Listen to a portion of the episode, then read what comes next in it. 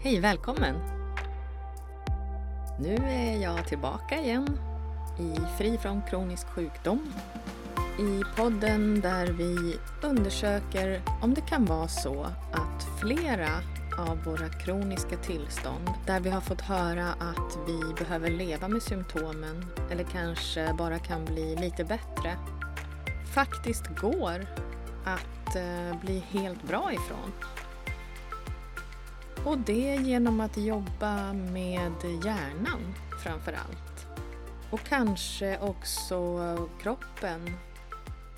Podden fokuserar mest på hjärnan hittills och nervsystemet och hur det styr många av våra symptom. Väldigt många. Här kommer nu det tredje avsnittet om kallbad och de positiva effekterna för våra kroppar. Som jag har sagt i de tidigare två avsnitten så kan man se det här som en bonus. Om man redan mår ganska bra, kanske känner sig lite stressad men ändå inte har några problem och tar sig ur sängen och fungerar någorlunda normalt. Varför inte testa det här med kallbad och se om man får en lika positiv påverkan på kroppen och själen som många andra? Vi pratar fortfarande om forskning som lyfts fram av Andrew Huberman som är professor i bland annat neurobiologi vid Stanford School of Medicine. Hans laboratorium studerar neural regeneration, neuroplasticitet och stress, fokus, rädsla och optimal prestation. Han har tagit fram fakta från studier på kallbad och nu har vi kommit till det sista avsnittet om kallbad den här gången. Och nu handlar det om fysisk prestation kopplat till kallbad.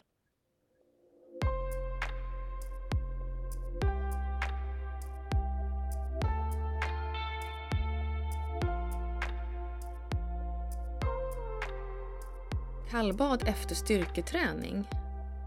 Minskar det effekten av träningen? Ja, om du vill nå större muskler bara, har det som mål eller fokusera på bara styrkan, att kunna lyfta tungt, då kan du undvika att bada under upp till fyra timmar efter träningen. Den här forskningen är gjord på kallbad upp till halsen, inte dusch. Förutom det här då om man eh, bara är ute efter större muskler och rejäl styrka så finns det ingen anledning att inte kallbada efter träning. Vad gäller uthållighetsträning och också sprint och intervallträning, där finns det ingen anledning att tro att man inte ska kallbada efter träning. Huberman rapporterar om en studie, kallbad före och efter träning och hur det påverkar olika sorters träning. Det är en metaanalys på ett stort antal studier och en metaregression som har gjorts. Den heter på engelska någonting i stil med påverkan av kallbad jämfört med passiv återhämtning efter hård träning på atletisk prestation hos fysiskt aktiva deltagare. En systematisk genomgång med metaanalys och metaregression. Det är 52 studier med i den här metaanalysen och metaregressionen. Det man kom fram till i studien var att om man sänker sig ner i kallt vatten är det ett effektivt verktyg för återhämtning efter högintensiv träning.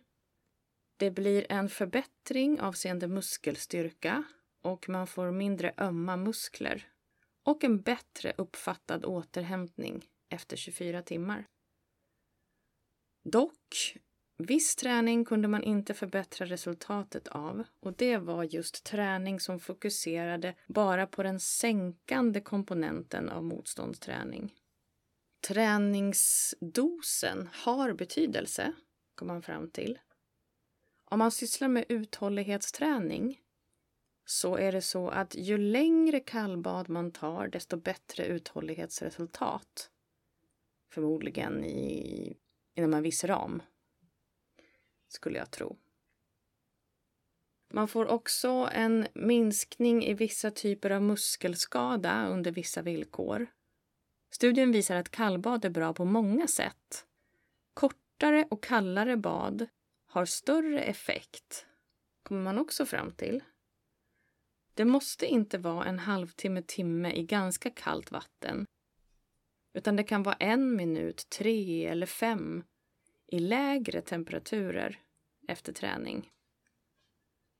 Om man gör det här inom några minuter eller till och med inom några timmar så får man effekt. Man minskar som sagt risken för ömma muskler och man ökar effektiviteten av sin träning. Helt enkelt, man kan snabbare träna igen. Och som vi har sagt i de andra två avsnitten, man börjar försiktigt. Man börjar inte i iskallt vatten utan man sänker gradvis temperaturen. Och om man kallbadar med kallt vatten ända upp till halsen då kan man vara säker på att man får maximal effekt. Om man jämför med dusch eller att bara vistas ute i, i låg temperatur. Det finns inte tillräckligt med studier, menar Huberman, för att säga exakt hur länge man ska vara i kallt vatten. Men om vi fortsätter på den här metastudien som jag nämnde så ökar kallbad muskelstyrkeprestationen minskar muskelömhet och eh, ökar uppfattad återhämtning efter träning, som sagt, alltihop det här. Och att det är förmodligen bättre att kallbada än att inte kallbada. Såvida man inte bara är ute efter större muskler och styrka. Kanske är det mer effektivt efter högintensiv styrketräning att bada kallt och kort. Och de korta och kalla baden kan också vara mer effektiva efter högintensiv uthållighetsträning. Slutsats Kallbad kan vara bra för återhämtningen, förmodligen tack vare minskad inflammation i muskler och vävnader. Studien tittar inte särskilt på de här äh, inflammationsmekanismerna, men de är kända. Flera studier, menar Huberman, visar att frivilliga kallbad och kyla överhuvudtaget kan minska inflammatoriska cytokiner och öka antiinflammatoriska cytokiner. Hurra! Och om du får mycket träningsverk efter träning, som sagt, så kan kallbad hjälpa. Och om du tränar intensivt, gör flera kortare kallbad eftersom inflammationen kan komma långt efter träningen.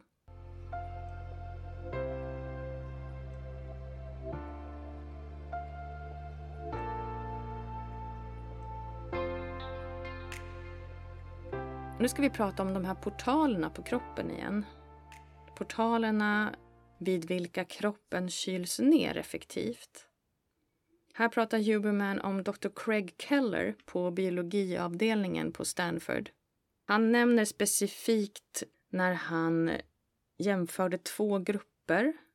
De framkallade hypotermi hos de här personerna. Ett ganska brutalt experiment.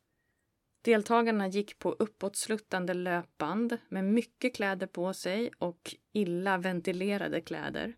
Och det var 40 grader varmt i rummet. Testa alltså inte det här hemma, för det här kan vara farligt. Det man gjorde med de här två olika grupperna det var att den ena fick så kallad traditionell nedkylning. Det vill säga man satte kylklampar vid halsen, nacken, i armhålor och i grenen. Och den andra gruppen fick nedkylning av fotsulor, handflator och övre halvan av ansiktet. Resultatet blev att grupp 2, alltså de som fick fotsulor, handflator och övre halvan av ansiktet nedkylt, de klarade att fortsätta gå på det här löpbandet mycket längre och deras kroppars återgång till normal temperatur gick mycket fortare. Och grejen med de här portalerna, om vi påminner oss om det, det är ju att här går artärerna direkt till venerna. Så det blir inte det här att kroppens egen termostat blir inblandad. Utan eh, här kan hetta dras bort från kroppen på ett eh, framgångsrikt sätt. Men det man använder för att kyla ner de här portalerna får inte vara så kallt att det förstör blodkärlen. Så här måste man hitta något som är lagom kallt. Huberman nämner en flaska med kallt vatten och kanske ett par isbitar i. Att det skulle vara lagom temperatur. Flera studier finns som visar hur nedkylning på rätt ställen på kroppen leder till att man orkar både styrketräna, lyfta tyngder och till exempel löpträna längre. Huberman nämner att det finns en underbeforskad och underdiskuterad aspekt här.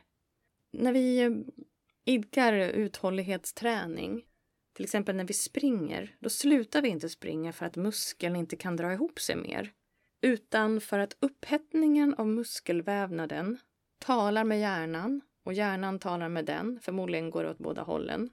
Och i och med den här kommunikationen så slutar man springa. Det är en reflex att sluta som kickar in när muskelvävnaden blir för uppvärmd. I styrketräning, tyngdlyftning, så är det istället delvis själva muskelns lokala upphettning som får muskeln att ge upp.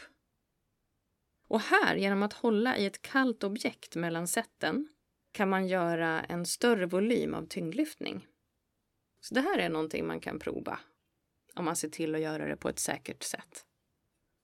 Slutligen det här med kallbad.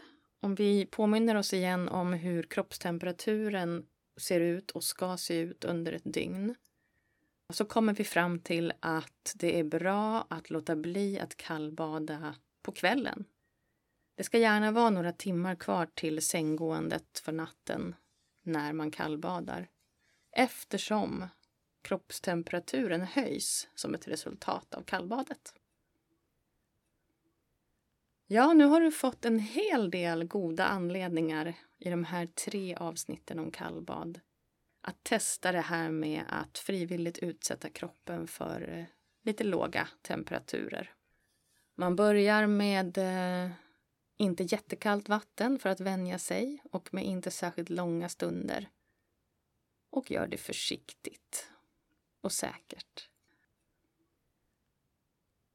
Jag håller på att ladda upp för ett avsnitt om förlossningsdepression, förlossningsutmattning som ska komma här snart. Det krävs lite, det krävs lite grann av mig att göra det avsnittet, men det är på väg. Vi får se när det kommer. Tills vi hörs nästa gång, håll till godo med det här senaste avsnittet om kallbad och allt positivt med det. Och hoppas att du får härliga stunder med kallt vatten och eh, soliga dagar.